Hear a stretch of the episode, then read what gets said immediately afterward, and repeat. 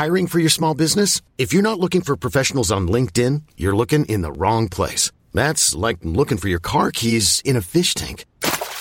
LinkedIn helps you hire professionals you can't find anywhere else, even those who aren't actively searching for a new job but might be open to the perfect role. In a given month, over 70% of LinkedIn users don't even visit other leading job sites. So start looking in the right place. With LinkedIn, you can hire professionals like a professional. Post your free job on linkedin.com slash achieve today.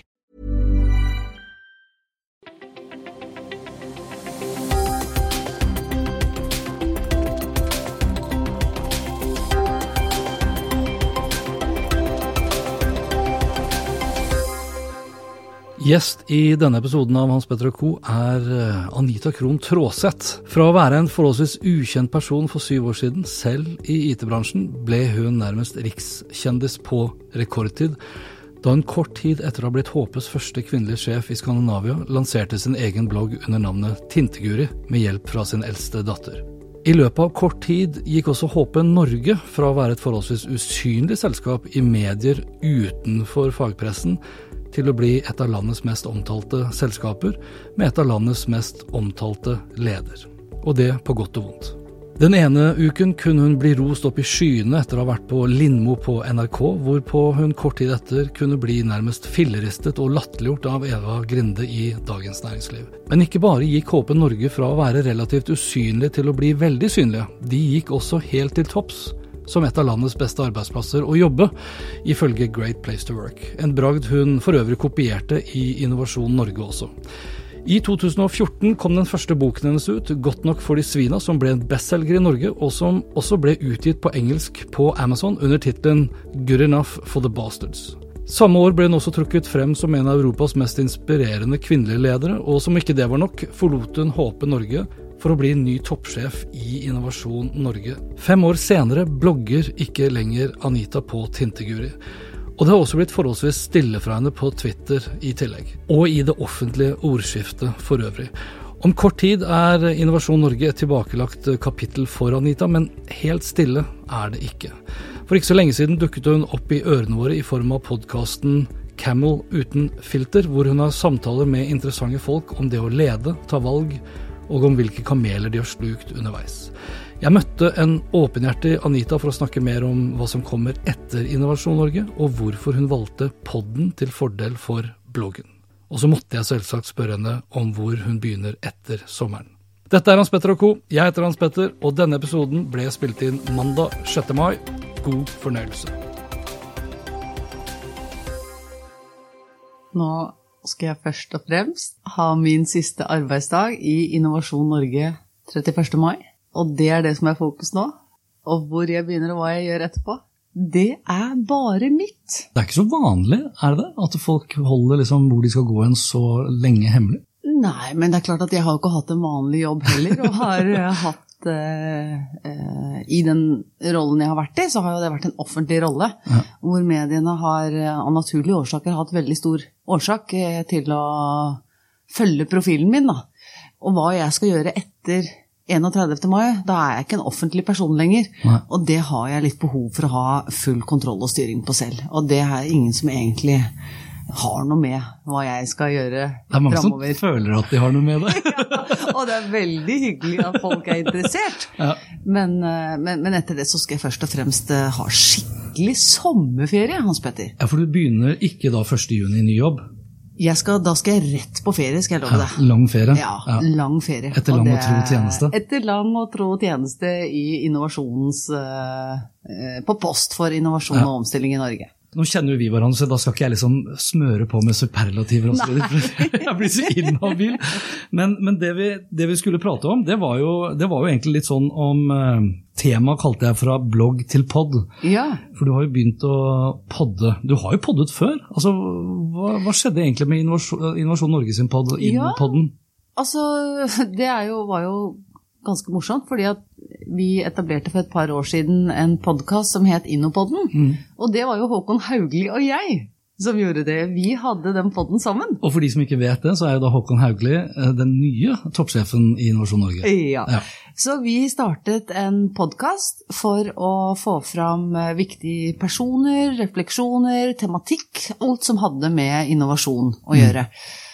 Og så har vi hatt, vi har hatt ganske mange altså Ikke sammenligna med deg, så har vi ikke hatt mange episoder. Men vi hadde en del episoder. Eh, vi bør kanskje kalle det en seriepodkast. Eh, en av og på-podkast? En av og på-podkast, ja. Men det kan jo godt hende at uh, Håkon blåser liv i den igjen ja. eh, når han starter, men det, det, vet jeg ikke. Kommer han til å gå til deg da for å få råd om podkastutstyr? altså, det er ingen som ser det her, men her vi sitter nå, så sitter jeg da med et mye dårligere utstyr enn da forhenværende toppsjef i Innovasjon Norge har kjøpt, hvor hun da Du mekker jo alt sjøl. Ja, og, jeg skal si at jeg har fått eh, en utrolig god oppstartshjelp ja. eh, av noen tidligere kolleger som har gitt meg veldig gode tips. Eh, men så er jeg jo litt sånn at jeg Altså, jeg kommer jo fra teknologibransjen, Hans Petter. Ja. Altså det å gjøre ting selv. Eh, det å forstå hvordan disse dippeduttene henger sammen, hvordan de skal settes opp, hvordan de skal linkes med programvare, hvordan du får distribusjon ut, men kanskje det viktigste, det jeg lærer meg noe om, er jo en oppdatering nå på hva skjer med Apple, hva skjer med Spotify, eh, Soundcloud, Acast Det er jo selskaper jeg ikke har fulgt særlig tett de siste fem årene. Eh, og den beste måten å lære seg på de, er jo å se hvordan det er å være kunde. Men du har, ja, for du har jo liksom ikke bare, du har ikke bare kjøpt deg hardwaren. Men du overfører liksom lydfilene etter at du har intervjuet uh, objektene dine. Til, ja, du så jo det nå. Ja, til uh, Du kjører en Windows Surface. Ja og Audacity. Mm. Ja, er, altså, uansett, uansett, om du kommer fra en teknologibakgrunn, så er det ganske imponerende at en toppsjef gjør det. Eh, Syns jeg, da. Du bør ikke svare på okay. det engang. Jeg syns du tar imot. Bare si takk. takk, takk ja. Men jeg syns dette er veldig gøy, og egentlig så gjorde jeg det litt for å utfordre meg også, fordi eh, vanligvis da så er det jo lett nå å leie seg inn. Det er veldig mange som har podkaststudioer mm. hvor du kan leie deg inn. Ja. Men, men, det er noe med å forstå hvordan dette her henger sammen. Og så er det noe med å ha eh, friheten og mobiliteten. Jeg treffer så mye spennende folk rundt omkring. Og det å kunne ha et mobilt utstyr hvor jeg ikke er avhengig av å booke inn tid i et studio, uh, at folk skal redigere, at jeg ikke forstår hvordan ting er satt sammen, det, det det var derfor jeg hadde lyst til å gjøre det selv. Men som sagt, jeg har fått god hjelp og fått noen til å holde meg litt i hånden når jeg gjorde det i begynnelsen. Men altså, ok, for det vi prater om, det er jo da eh, kamel uten filter, eller camel uten filter, for det er en dobbel betydning der. Det er det. Den, den doble betydningen skjønte jeg egentlig ikke før jeg leste teksten om podden, for da står det at det er en podkast der du da har samtaler med interessante folk om det å skrive, lede, ta valg og hvilke kameler de har slukt underveis. Hva, er, hva, hva, hva tanken bak podden? For du, du kommer også med en bok som heter det samme, gjør du ikke? Jo, kommer en roman ja. eh, på Aschehoug eh, til høsten ja. som heter 'Camel uten filter'. Men er, det, her, er podden da innholdsmarkedsføring for den boken? Altså Vil boken ta over for podden, eller? Jeg tror nok altså nå, du vet, Jeg har ikke laga noen plan for dette her, sånn at jeg, jeg, jeg, vet ikke akkurat om Altså jeg tror nok eh, jeg kommer til å fortsette med podkasten selv om boken er lansert, men den podkasten skal jo også følge eh, innholdet i romanen, for det er jo det som er eh, tematikken. da. Eh, men det, det, kan jeg snakke litt om senere. Ja, ja for nå ble jeg veldig nysgjerrig. ja, det regner jeg med. Men du husker jo i 2012, da startet jo jeg en blogg etter å ha blitt sånn sparka i leggen av, deg, rett og slett. For da var det litt sånn på tide at uh, også de store IT-selskapene. Du var veldig opptatt av at de store IT-selskapene i Norge også forsto de nye forretningsmodellene, de nye teknologiselskapene, skyløsningene, sosiale medieplattformene spesielt. Ja, ja og så var jeg veldig gira på å få frem kvinner i IT-bransjen. Det var du. Absolutt. Så det begynte, jo, det begynte litt med de 100 første dagene, husker vi, det var det vi snakket om? Ja, og, og det å dele den informasjonen, for jeg var jo litt skeptisk i begynnelsen og tenkte det er jo ingen som gidder å høre på eller lese dette her. Eh, så, så, da satt jeg jo, etter å bli sparka på leggen av deg, så satt jeg jo en kveld sammen med eh, Martine. Mm. Og hun lærte meg Wordpress, og, og, der fant vi også på at vi måtte ha et navn på denne bloggen da, som var autentisk. Som skulle være uavhengig av hva slags roller jeg hadde i næringsliv og samfunn. Og det er klart at min fars kallenavn, Tinteguri, det var, jo ikke, det var jo ikke eh, opptatt, for å si det sånn. Nei, det var billig, billig URL å kjøpe. ja. Så da, eh, parallelt med det også, så begynte jeg jo, var vel året etterpå, eller halvåret etterpå. Så det var jo da jeg begynte å skrive de små bloggartiklene, Mm. så delte jeg jo mange erfaringer, f.eks. Eh, hvordan søker du din første jobb? Hvordan søker du på topplederstillingen? Hvordan forhandler du lønn? Jeg hadde mange sånne ulike tematikker. Ja, Altså, ja, jeg husker jeg skrev at du, du demonstrerte moderne lederskap. Det var det jeg skrev. Eh, Ja, det var sånn litt, litt, litt farlig, farlig lederskap, kanskje. Men, Nei, vil du si det? nei, ja Jeg, jeg tror de er litt sånn avhengig av eh, bedrift, internasjonal, nasjonal, offentlig, privat, Altså, jeg kanskje? mente det var helt innafor, fordi eh, i, eh, i, i 2012 så var det veldig mye som skjedde rundt på de sosiale medieplattformene, og Mm. det var veldig få ledere som eh, hadde noe som helst, verken innblikk eller sansen for Twitter eller Instagram eller noen av, av disse løsningene, og tenkte at dette er noe barna våre driver med. Mm. Og så skjønte vi jo fort at det, det vokser opp svære gigaselskaper nå, og underleverandørindustrier knytta til den teknologien. Og hvis du som leder ikke engang skjønner hvordan du oppretter en Twitter-konto, og forstår dialogen og hva som foregår, men du ja, overlater det til kommunikasjon, da, eller bruker det som en sånn spykanal for å fortelle om bedriften din, det er, funker jo ikke. Eh, i, eller funka ikke i hvert fall i 2012. Så, så det å være litt hands on igjen selv, og for oss i, i Hoppe Norge på det tidspunktet, så, så var det litt sånn at det å bare ta bilde av en PC og reklamere for god teknologi, det var ikke nok. Folk ville se alle de 100 ansatte som vi hadde, knalldyktige teknologier. De lagde jo en egen Twitter-konto som jeg tror uten, het 'Uten nerden stopper verden'. For å få fram all kunnskapen, menneskene, eh, engasjementet, teknologien som ligger bak de løsningene som vi vanlig dødelig tar for gitt. Da. For det, altså, du kommer jo fra Cisco og vet jo hvor komplekst nettverk er. Det, det å forstå hva en server er. Ja, så det var liksom litt ideen at vi skulle bjuda litt på. Ja. Fortelle litt Og det gjorde om det jo. Og det gjorde vi jo. Eh, og det ble jo tatt imot eh, både på godt og vondt. Det var tidlig dette her òg, da. Ja, ja. 2012. Ja, men altså på, en- på en måte så var det litt tidlig, på en annen måte så var det jo det var jo på mange måter flere ledere som blogget i 2012 enn det det er som blogger nå i dag. Du blogger jo ikke selv. Nei, og det, eh, og det var jo liksom tilbake til utgangsspørsmålet ditt, eh, linken. fordi da jeg begynte å blogge, så tok det et halvt år, og da tok Cappelen Dam kontakt. Ja. eh, og lurte på om jeg hadde lyst til å skrive en bok. Og da var jeg litt sånn Skrive en bok? Nei, det har jeg ingen ambisjoner om. Jeg lager disse bloggpostene, og da mente Cappelen Dam at basert på disse bloggpostene, så kunne det danne utgangspunkt for å skrive en sakprosa, da, en bok om å dele litt erfaringer og, og hvordan det er å, å bygge seg en, et arbeidsliv hvor du tar lederansvar, jobber i teknologibransjen, hvordan det er å være mor, alle disse tingene her. Så bloggen var innmari fin å ha da jeg skrev den boka, for da fikk jeg også veldig tett kontakt med leserne. Jeg fikk jo mange innspill, hadde direkte kontakt mens jeg skrev. Og du vet, jeg er ikke forfatter, Hans Petter. Jeg har ikke noe sånn hellig forhold til de tingene jeg skriver. Jeg er jo opptatt av at det jeg skriver skal bety noe for noen, så jeg ville jo gjerne ha kontakt med leserne mine. Og fikk mange gode innspill. Og nå som jeg da kommer med en roman i 2019, så vil jeg jo fortsatt ha en dialog med leserne mine. Og hvordan har jeg det i 2019? Ja, men da må du si publikum egentlig, da. Ja, og ikke lese i og publikum, med da. at det er lyttere og eller, ja, men, men Og da var det podkast som kom opp. Eh, For, for lyd har tatt litt over for Ikke tatt over for, det, for bloggen, men, men eh, det var Milla som sa faktisk dette her, at eh, ja, men mamma, podkast det er blogg med lyd. Det er akkurat det samme. Det er blogg med lyd, sier hun. ja, Hvor gammel er Milla nå? Elleve.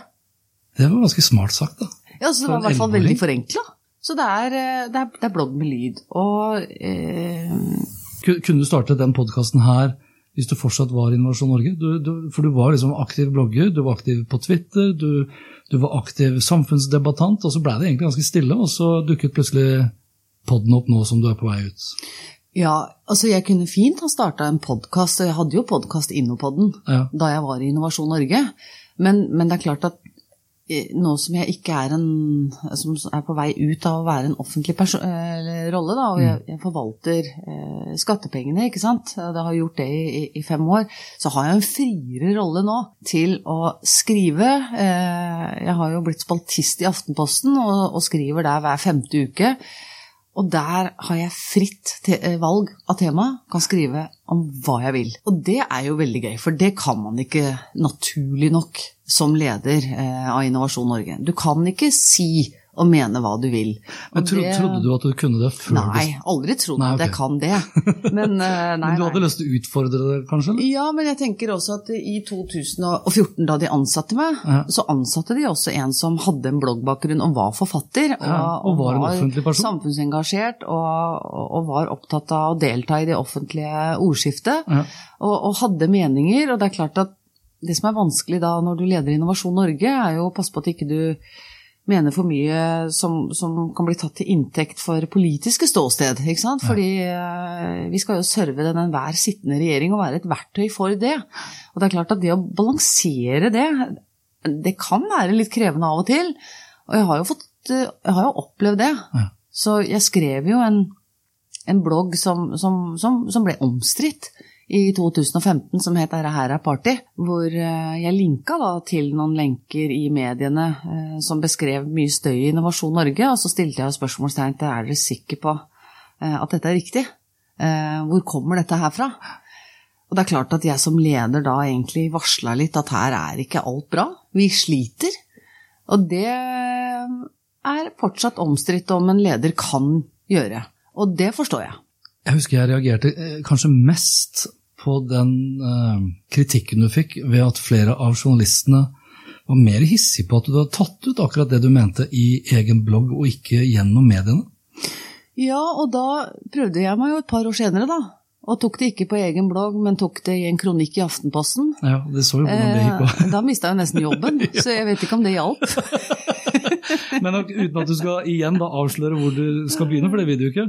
Men tror du du kommer til å kunne fortsette med både liksom kamel uten Eller skal jeg si kamel uten filter? Kamel uten filter. For det er, altså Bare det i seg selv, da, å skrive og så kalle det for det i 2019, er jo politisk ukorrekt, er det ja. ikke? Du er ganske politisk ukorrekt med liksom, at du innrømmer dine feil, hvilket jeg mener er egentlig ganske digg at du gjør. da. Mens andre vil si at nei, det der burde du liksom holde fra sjøl.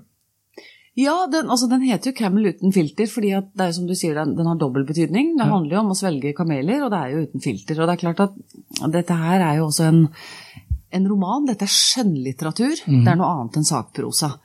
Og tematikken som tas opp i den romanen, knytter seg veldig til de samtalene som jeg har i Camel uten filter.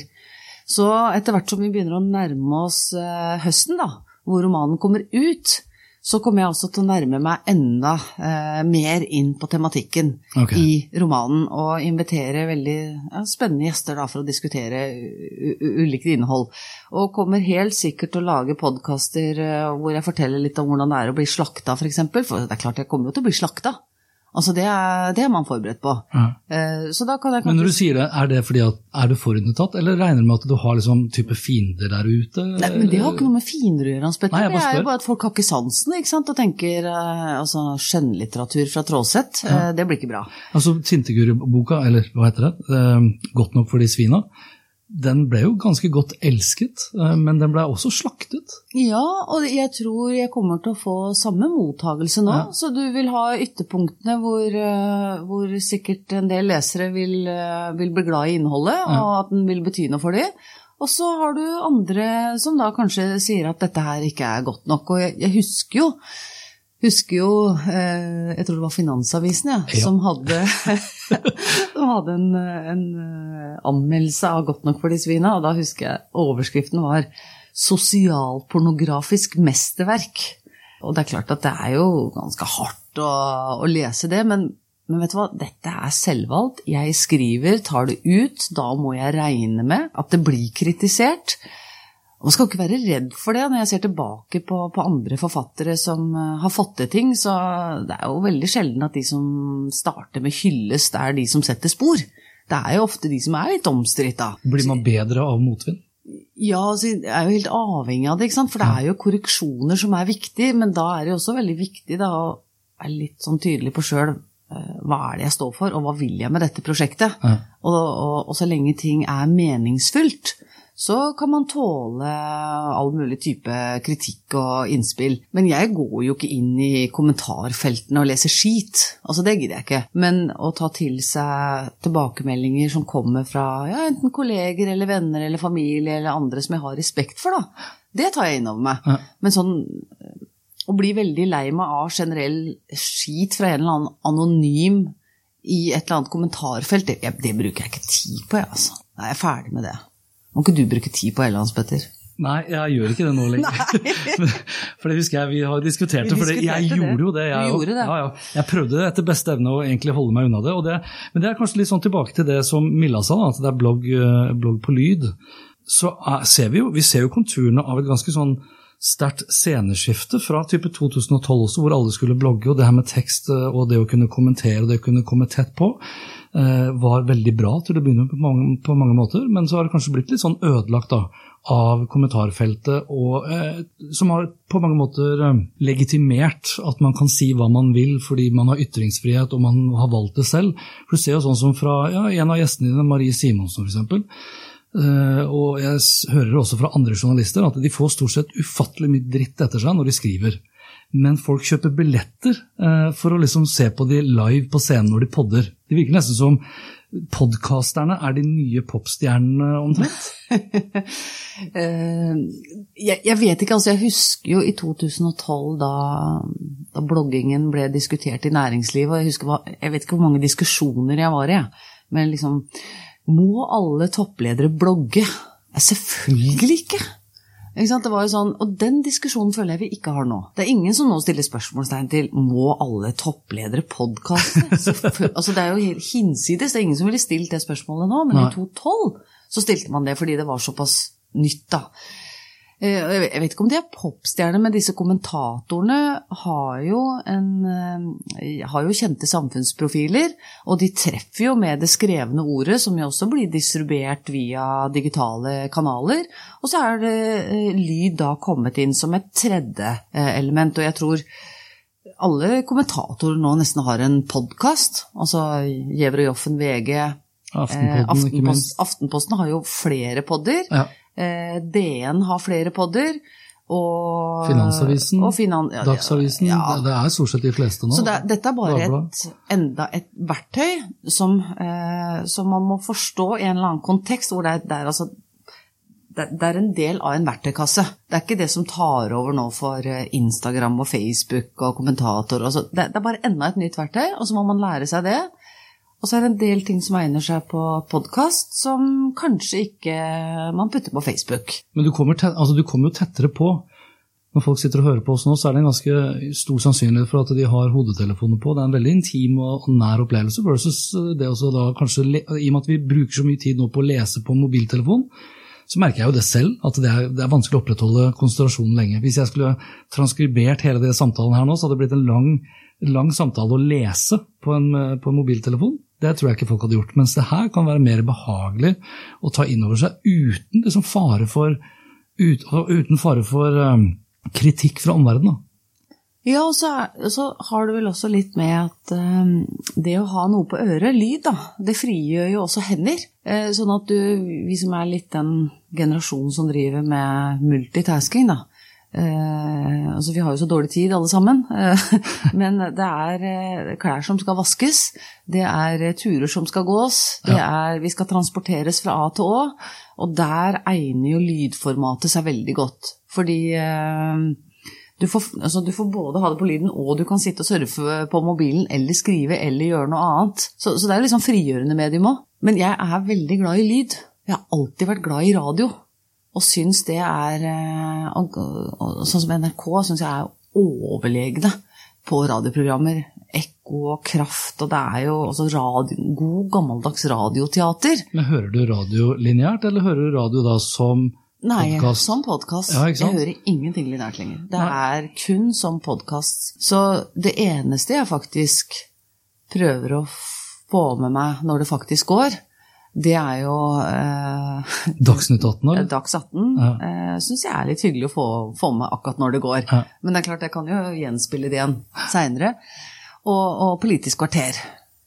Eh, jeg får aldri med meg det når det går, men det kom NRK kan til tider være litt treige med å legge det ut. De kunne godt lagt det ut ganske mye raskere.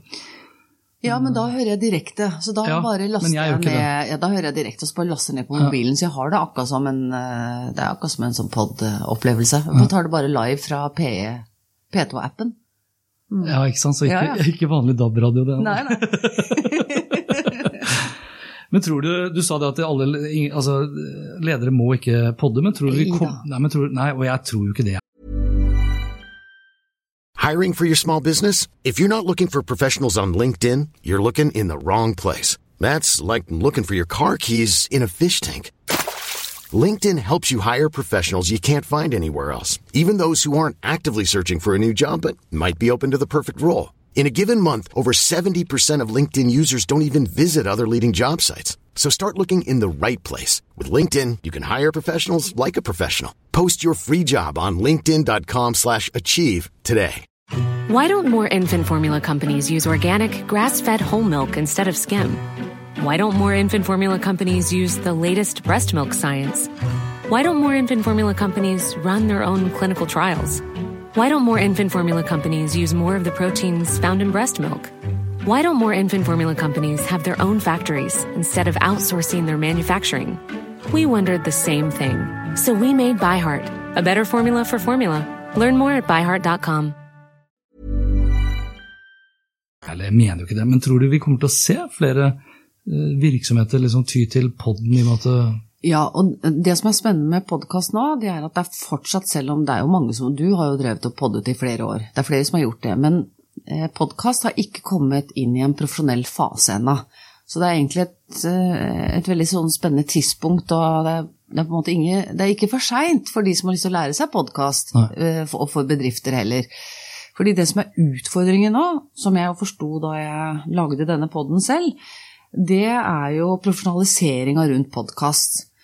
Eh, Så hvis du skal ha en annonse da, på lyd Jeg tror veldig mye av fremtidens annonsering kommer på lyd. Det kommer fortsatt til å være i aviser og, i andre medier, men det kommer til å komme mye mer selektiv eh, annonsering og reklame som er tilpassa, tror jeg Nå snakker vi ikke enkelt på det, men enkeltepisoder og tematikk på tvers av podder, hvor eh, reklamebyråer og kommunikasjonsfolk må jobbe veldig mye mer med hva slags type budskap er det vår bedrift skal formidle på øret gjennom en podkast. Det er noe helt annet enn å lage en annonse i en avis. Ja, ja. Så der tror jeg vi kommer til å se en del eh, utvikling. Problemet nå er jo prising, ikke sant, og også måling av effekt. Så jeg ser jo at eh, Altså, jeg har jo ennå ikke kommet meg på Apple, Hans Petter. Ja, det skjønner jeg Eh, ja, og til og med bildet mitt er riktig, det er riktig oppløsning, altså alt. Og jeg har også sjekket, er det noe med Camel uten filter, er det fordi det er et sigarettnavn, altså er det noen lover og regler her? Men det er masse som heter noe med Camel og cigarettes og sånn, så det, det, det har ikke noe med det å gjøre. Men jeg er ennå ikke oppe. Um, Acast kan jeg ikke finne noe måling på. Nei, men det, for du har vel Hvor har du lagt podkasten din? Jeg har lagt den på SoundCloud, det er det som er motoren. Ja, men da får du ikke noe fra Acast, fordi da, må du ha eh, podkasten din liggende hos dem. Ja, nettopp, og der ser du. Ja. Ikke sant? Så det, det, det florerer en kanskje hva da, sju-åtte proprietære løsninger som ikke snakker sammen. Og jeg tror at den som kommer med en idé nå, med en eller annen algoritme hvor du har et overbygg, hvor du kan fange inn trafikk, uavhengig av hvilken motor du har lagt dette her på. Fordi at jeg vet ikke hvor mange tusen som hører på denne poden nå. Jeg har ikke kjangs, det vet ikke du heller, Hans Petter. Eh, jo, gjennom Vet du min, det? Ja, gjennom min pod så gjør jeg det. For da får jeg trafikkdata fra Eller nei, jeg gjør det ikke det. Nei, du for jeg, gjør nei, ikke for jeg, det, altså. det jeg vet, er hvor mange som har lastet det ned. Men jeg vet, ja. Ikke sant? Eh, De som har kommet lengst, er, altså, er nok Acast. Eh, Og nå har jo Acast kjøpt opp eh, Pippa, som jeg hoster min pod på nå i dag. Eh, Men jeg vurderer å, å, å gå tilbake kanskje til Acast, for siden du snakker om det her med reklame, de har kommet ganske langt med det å kunne legge til reklame. I tillegg så er de også nå i ferd med å lansere det de kaller for Acast Connect, nei, Acast Access heter det. Hvor du kan da legge ut episoder som du vil ha bak en betalingsmur, så folk må abonnere og betale penger. For f.eks. spesialepisoder, som da blir matet med to såkalte RSS-feeds, som kan da gå inn til Apple sin podkastspiller, f.eks.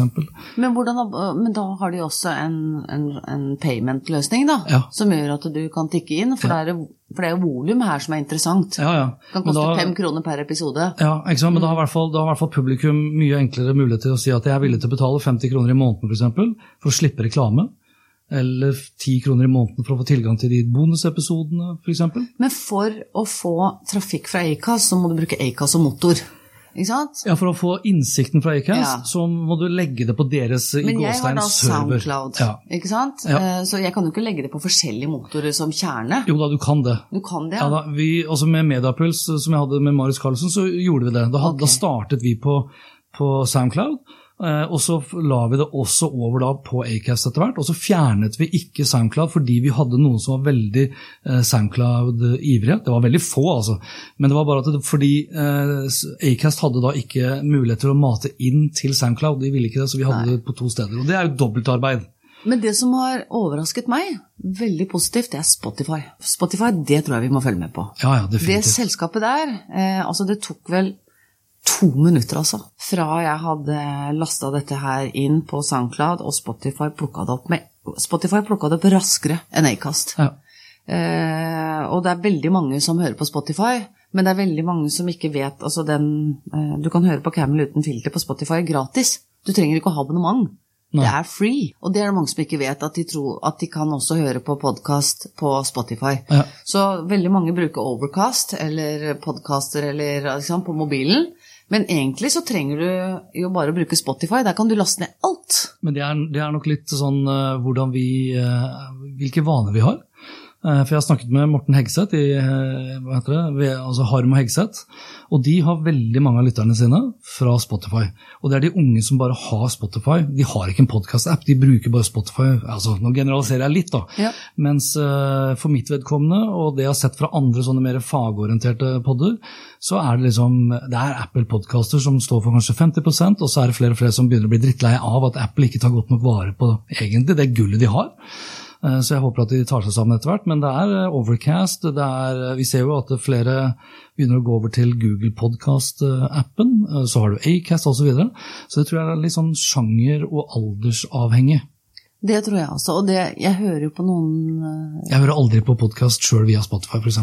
Nei, jeg gjør det. Ja, du gjør det? Ja, okay. jeg har, jeg har begynt med det. Jeg syns det er glimrende. Men, men det som eh, Jeg, hører litt på podkast om podkast, for å sette meg inn i dette her. Veldig meta. Det her også er Ja. egentlig litt sånn meta. Men så tenkte jeg, Ja. når, når, når vi avtalte akkurat det, så tenkte jeg men Svartelde, det har da vært TV-programmer hvor man har snakket om TV. Ja. Så det må være lov å, å prate om pod på en pod. Det må være lov.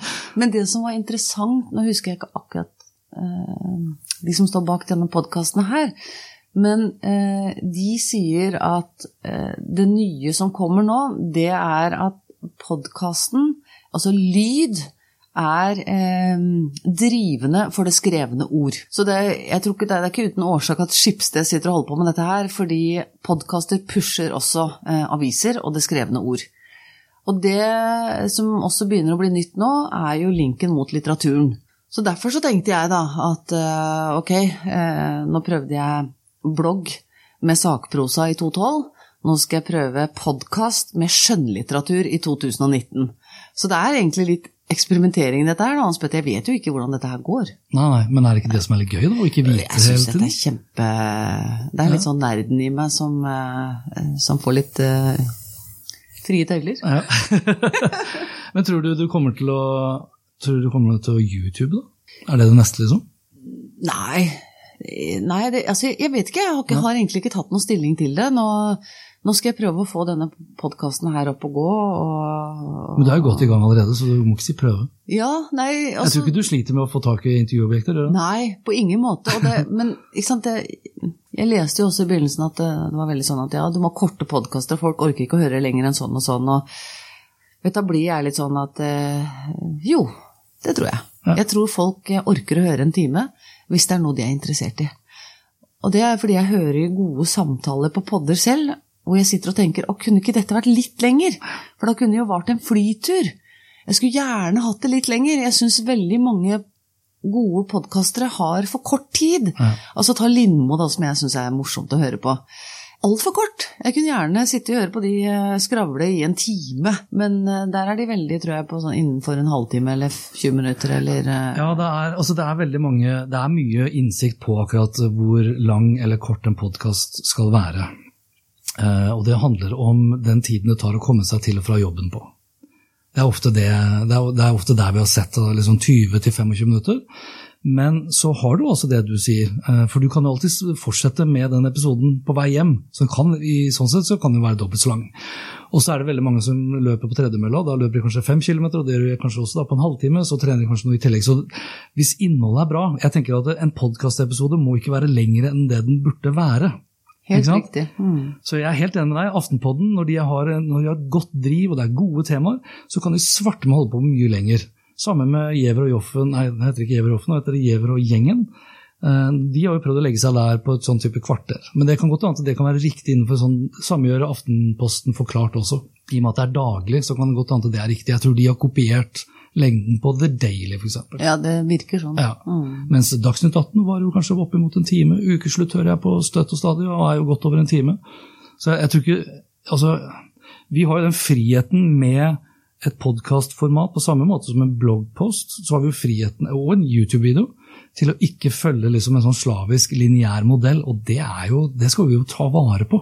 Sitter- Absolutt. Og, jeg, og det, det må jo være en sånn slags idé eh, med den podkasten man skal ha, da. Ja. Eh, og det jeg var opptatt av, var jo eh, Jeg la merke til selv at det var jo ingen podkaster som kom ut på søndager. Altså Alle podkastene kommer i ukedagene. Enten mandag, tirsdag, onsdag, torsdag. Og, og det som er det viktigste Kanskje det beste du kan få til da, som podkaster, det er å bli en del av folks daglige liv. Sånn at de venter på podkasten din på tirsdag eller onsdag eller torsdag. Så tenkte jeg at eh, jeg har lyst til å ha en podkast på søndag.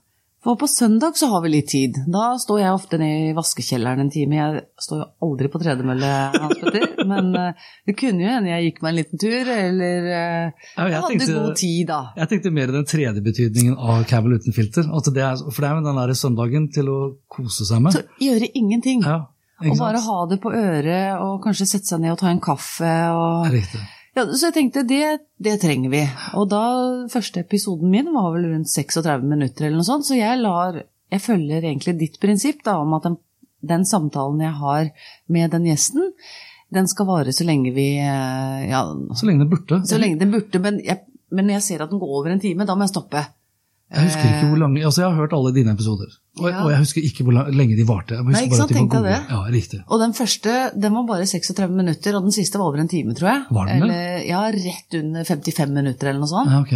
Og den i dag, eh, den som jeg har hatt nå, Ja. eh, den var over en time. Og disse menneskene er så interessante, og jeg skulle så gjerne ha snakka med de lenger. Men jeg har satt en liten grense på, på en time, da.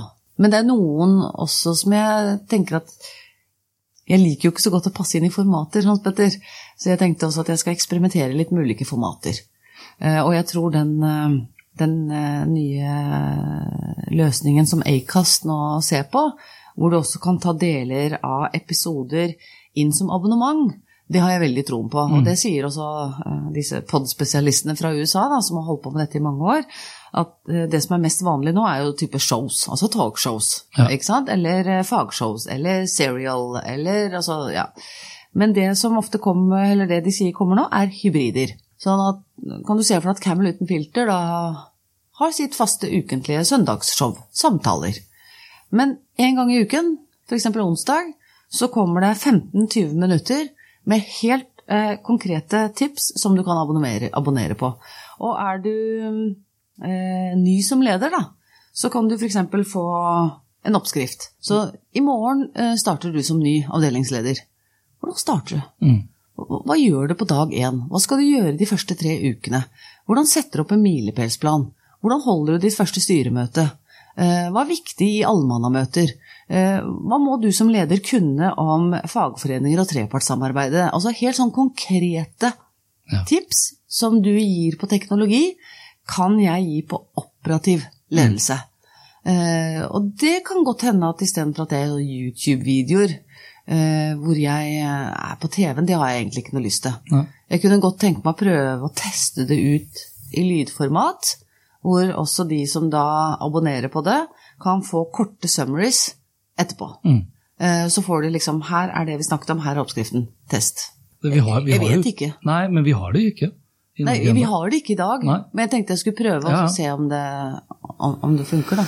Jeg tror timingen er i hvert fall riktig nå, for det er forholdsvis mange, også da litt folk opp i åra. De fleste som hører på pod i dag er jo under 35, men det, det blir et stadig større publikum som har, tenker på samme måte som alle andre medier, at jeg vil eh, se, lese, høre når jeg vil. Sånn sett er jo vi oldiser, da. Takk for Nærmer de- oss 50, liksom. Positive avsluttende ord. Vi skal ikke avslutte her. Nei, vi skal, ikke avslutte med, vi skal ikke avslutte når vi fyller 50 heller, Nei. uten å avsløre hvor gamle vi er. Nei, ja, det er ikke noe hemmelighet det. Vi kan jo ikke avslutte med den her dystre stemningen. Eller er det dystert å, Nei, å bli 50? Vi må ikke snakke ned Nei. alder. Nei, Nei. riktig. Men Jeg må man gleder meg jeg til å bli 50. gjøre det? Ja, jeg skal ha svært fest. Du skal det? Ja. Jeg hadde ikke 30-årslag. Jeg, jeg gruer meg til å bli 30. Jeg hadde ikke 40-årslag, for jeg gruer meg til å bli 40. Det er sant, det. Du er litt sånn sensitiv Ja, på alder og jeg hadde 39-årslag. Det hadde jeg. Men Hans jeg tenk på alle de som ikke blir 50. Ja, jeg vet, Jeg vet, det er jo den andre måten å se det på, selvfølgelig. Ja, nei, dette skal feires, og så mye erfaring og ting du har oppi ryggsekken og bagasje og alle de tinga jeg ikke kan, eh, som jeg ikke har satt meg inn i, som, som bare står på sånn to do-list i å, å utforske og oppdage. Eh, nei, det Jeg, jeg men, jeg blir 90 i hvert fall. Men føler du, føler du at du måtte, du altså måtte du jobbe i Innovasjon Norge, eller måtte du bli liksom oppimot 50? Eh, Jeg føler det er ubehagelig å snakke om alder og kvinner. kvinner. Måtte du jobbe i Innovasjon Norge, måtte du bli 50 for å liksom eh, lære deg viktigheten av å ikke gjøre noen ting? For det er, det er først nå i siste tiden det har kommet opp. Er det fordi du får tid til å reflektere litt mer? over Jeg har jo egentlig gjort det i ganske mange år. Jeg, Du har vært flink til å sove lenge om morgenen ja, altså, når du kan. Når jeg kan. Altså det å ta vare på seg selv. Ja. og hvile ut. For jeg har jo, De siste 15 årene har jeg hatt øverste topplederansvar i ulike selskaper. Så det er jo ikke noe jeg har, har, har begynt med nå. Jeg har egentlig trent mens du da løper på tredemøller. Så har jeg de siste 15 årene trent meg opp på å sove i 45 minutter. Eh, og bruke et par minutter på å få det til, og så våkna meg selv på 45 minutter. Oh. Det, jeg må trene, jeg har måttet trene på det. Og nå sitter det i kroppen. Og det å For hodet må hvile, for det er hodet vi bruker, og det trenger rundt 45 minutters eh, hvile. Og da er jeg klar for skift to. Da har jeg overskudd. Men hvis jeg med den agendaen og alt det vi holder på med, eh, bare går rundt som en Duracell-kanin og aldri på en måte slår av disse batteriene eller lader de, så ende, da hadde jeg endt opp i fosterstilling i et eller annet hjørne her. Sant? Og det, det er derfor også veldig mange brenner seg ut. Fordi de brenner for for mye og tar ikke pauser og, og setter ikke begrensninger. Nei. Så jeg har nok Dette er kanskje litt sånn arvelig belasta også, fordi jeg har jo en bakgrunn hvor jeg har vokst opp med en mor som ikke engang orket å stå opp om morgenen. Og for meg da å ta vare på egen helse har vært veldig viktig, selv om selvfølgelig jeg faller jo helt igjennom ved å si det når jeg røyker. Da tar man jo ikke vare på sin egen helse. Eh, Men, men med andre bevisst- ting, da du er bevisst på det. Ja, men andre ting eh, Kanskje noen da kan oppfatte meg som litt sær, fordi at jeg, jeg kommer ikke på den festen jeg ble invitert til, ikke sant? Fordi Mm. eh, da må jeg hvile. Men du er opptatt av kanskje du, altså det å bruke tiden din på det som gir deg energi. Jeg tror det er derfor du også er litt sånn borte fra Twitter og en del andre ting. Tror du ikke det? Det er mange årsaker til det, da. Ja, det Svar så ærlig du kan. Nei. Jo, både det som gir energi, men, men, men nå er jeg sånn at jeg syns det meste gir litt energi, da. Okay. Bortsett fra, fra å løpe på tredemøller og sånn, det gir meg ikke energi. Eh, men det kan hende at det gjør det om et par år. Kanskje jeg blir skikkelig god på tredemølleløping. Men akkurat nå så er jeg ikke så interessert i det. Jeg er jo heller ikke veldig god på å lage mat. Jeg håper at det blir jeg veldig interessert i. Eh, sånn at jeg blir skikkelig god på det, for jeg er veldig glad i mat. Ja, det er jeg jo. Men jeg har ikke noe Jeg har ikke, noe, jeg har ikke funnet ut noe talent ennå som har vist seg. De få tilfellene jeg prøver å lage mat, så står kona mi over og skal dirigere, og da blir jeg så demotivert. Så jeg kan lage mat kanskje når hun ikke er hjemme. Men bare så, som et velment råd til deg også, Ja. for nå syns du podding er veldig gøy.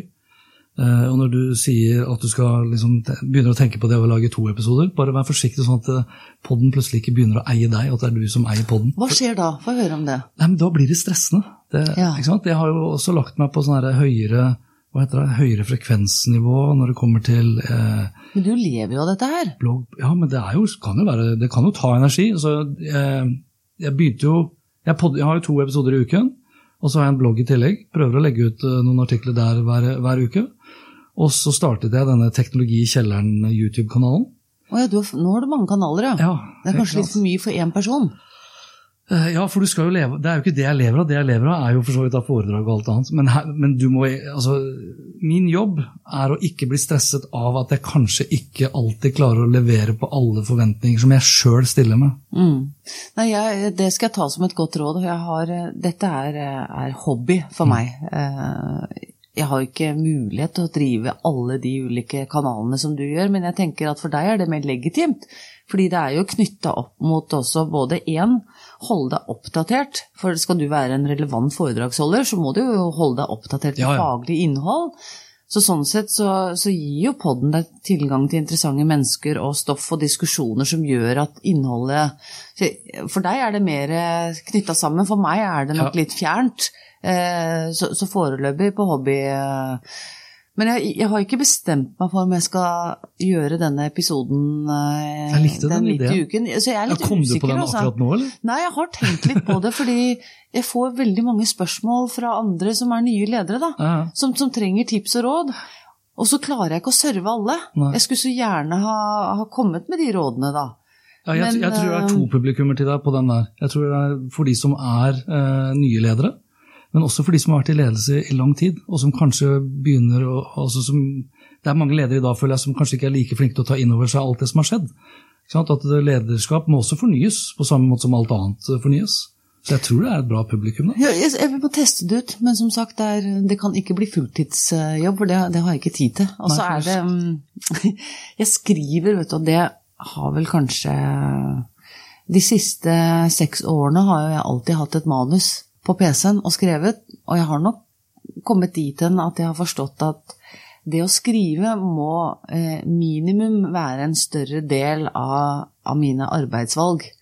Jeg må få rom til å skrive, og det har jeg fått nå. Ja. Og det er viktig. Så eh, nå kommer det en bok eh, nummer to, eh, og det blir ikke den siste, vet du.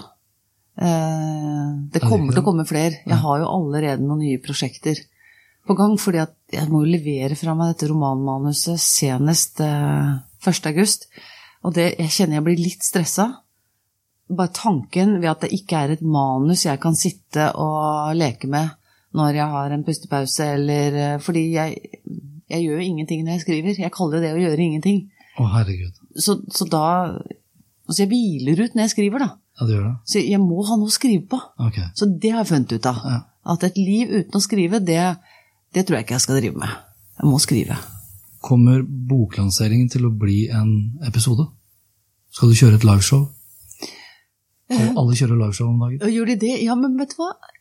Jeg hørte også noen spennende refleksjoner fra disse amerikanske podkasterne om podkastere, da. Ja. Hvor de sier at um, alle driver jo og streamer disse liveshowene. Det er ikke fremtiden. Fremtiden er at du har disse faste programmene dine, men når du da har opparbeidet deg lyttere, da, og så lager du et liveshow med gjester og andre ting, så skal det være en, en fysisk opplevelse som bare er for de som er der. Det skal ikke streames. Og det har jeg litt sansen for, for det er litt motstrøms. Så det kan Jeg har tenkt på å ha noen livepodder til, eh, til høsten, men det skal ikke streames. Det er for de som er der, og ikke for noe annet. Kun for abonnenter. Det er ikke alt som skal tas opp. Nei. Det er ikke alt som skal skrives ned. Eh, Det er ikke alle opplevelser som skal eh, distribueres i det det digitale rom. Jeg har ingen peiling på hvor Anita Krohn Traaseth begynner, men jeg vet med ganske stor sikkerhet at de som får henne som kollega, kan glede seg. Og det kan forhåpentligvis vi andre også. Det norske ordskiftet trenger flere tydelige stemmer som Anita. Det norske næringslivet trenger flere ledere som Anita. Ledere som er uredde og nysgjerrige, men samtidig reflekterte og kritiske. Og som våger å utfordre status quo. Som våger å teste ut noe nytt uten å vite om det har livets rett eller ikke. Som det å lage en podkast med ledertips for både nye og etablerte ledere. Som det å begynne å blogge og skrive sakprosa, eller podde og skrive skjønnlitteratur uten at det betyr at alle andre ledere skal måtte gjøre det samme. Den 31. mai går Anita Krohn Traaseth ut av Innovasjon Norge for siste gang som ansatt. Jeg unner henne en lang og god sommerferie, og så gleder jeg meg til å høre mer om hvor hun skal sette sine avtrykk. Og det var det for denne gang også. Liker du det du hørte og vil forsikre deg om at du får med deg de neste episodene, da kan du bl.a. abonnere på Hans Petter og Co. på Apple Podcaster, ellers er podkasten selvfølgelig også tilgjengelig på Spotify, Google Podcast, Overcast, Acast og TuneIn Radio, for å nevne noen. Inntil neste gang, vær nysgjerrig, for det er den beste måten å møte vår digitale fremtid på.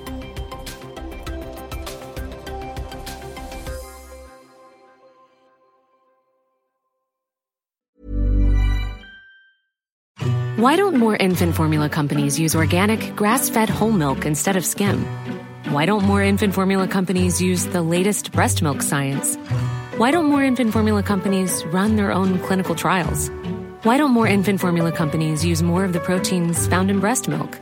Why don't more infant formula companies have their own factories instead of outsourcing their manufacturing? We wondered the same thing. So we made ByHeart, a better formula for formula. Learn more at byheart.com. My business used to be weighed down by the complexities of in person payments.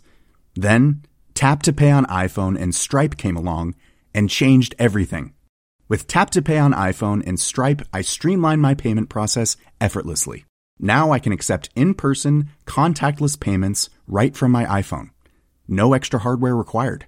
What's truly remarkable is how I can cater to all of my customers' payment preferences. Whether they're using cards, Apple Pay, or other digital wallets, Tap to Pay on iPhone and Stripe ensure a smooth checkout experience every time. And it's not just me. Stripe helps businesses of all sizes, from local markets to global retailers, scale quickly and stay agile. To learn how Tap to Pay on iPhone and Stripe can help grow your revenue and reach, visit stripe.com/tapiphone.